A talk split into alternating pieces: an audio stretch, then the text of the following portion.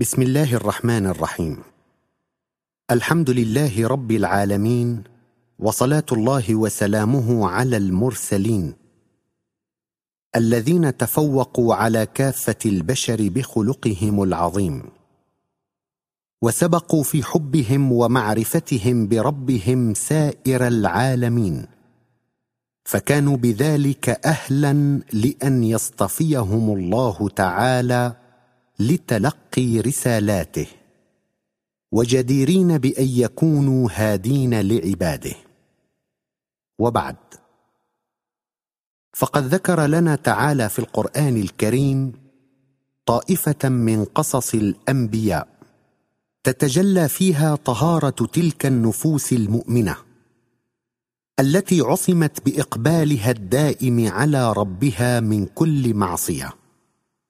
ويتراءى من خلالها ما قام به أولئك الرجال من جليل الأعمال ليبين لنا قابلية الإنسان للسير في طريق الفضيلة والكمال.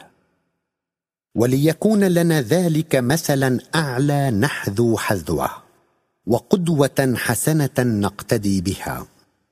غير أن ايديا أثيمة كافرة بالله ورسله تناولت هذه القصص منذ مئات السنين فكتبت ما يسمونه بالإسرائيليات.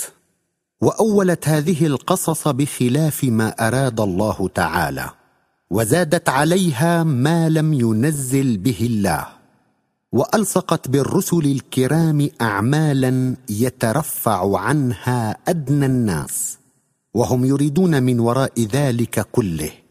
أن يبرهنوا على أن الإنسان مجبول على الخطأ وأنه لا يمكن أن يسير في طريق الفضيلة ليصدوا الناس عن سبيل الله وليبرروا ما يقعون به من أعمال منحطة لا يرضى بها الله. وقد ضلوا بذلك وأضلوا كثيرا.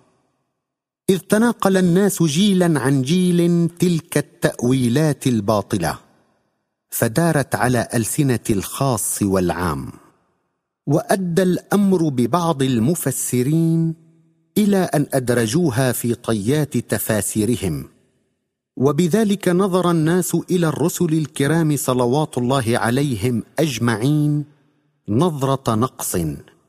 وانقطعت نفوسهم عن محبة رسل الله وتقديرهم وفسدت اعتقادات الكثيرين وساءت أعمالهم.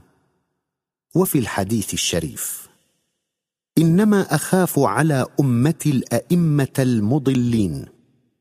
ولذلك وإظهارا للحقيقة وتعريفا بكمال رسل الله الكرام صلوات الله عليهم أقدم العلامة الجليل محمد أمين شيخو على شرح هذه القصص.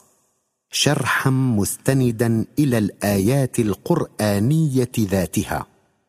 متوافقا مع المراد الإلهي منها. مبينا كمال أولئك الرجال. الذين جعل الله تعالى في قصصهم عبرة لأولي الألباب. وضرب في طهارتهم وشرف نفوسهم مثلا للعالمين. قال تعالى في سورة الأنعام أولئك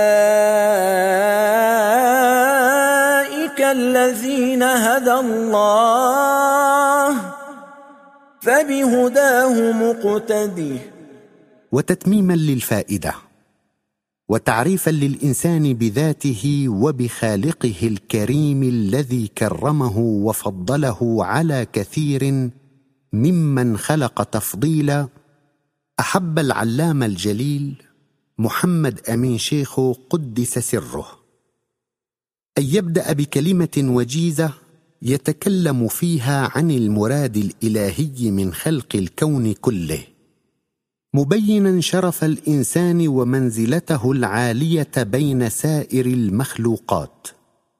تلك المخلوقات التي عرض عليها ربها عرضا ثمينا عاليا فخافت وأشفقت من التصدي لحمله. وما تقدم له إلا الإنسان وشاركه الجان. وغامر كل منهما مغامرة وقطع على نفسه عهدا. عرض فيه نفسه لتحمل أكبر المسؤوليات وأعظم المخاطر والتبعات. طمعا فيما يفوز به من النعيم المقيم والخير اللامتناهي الكثير.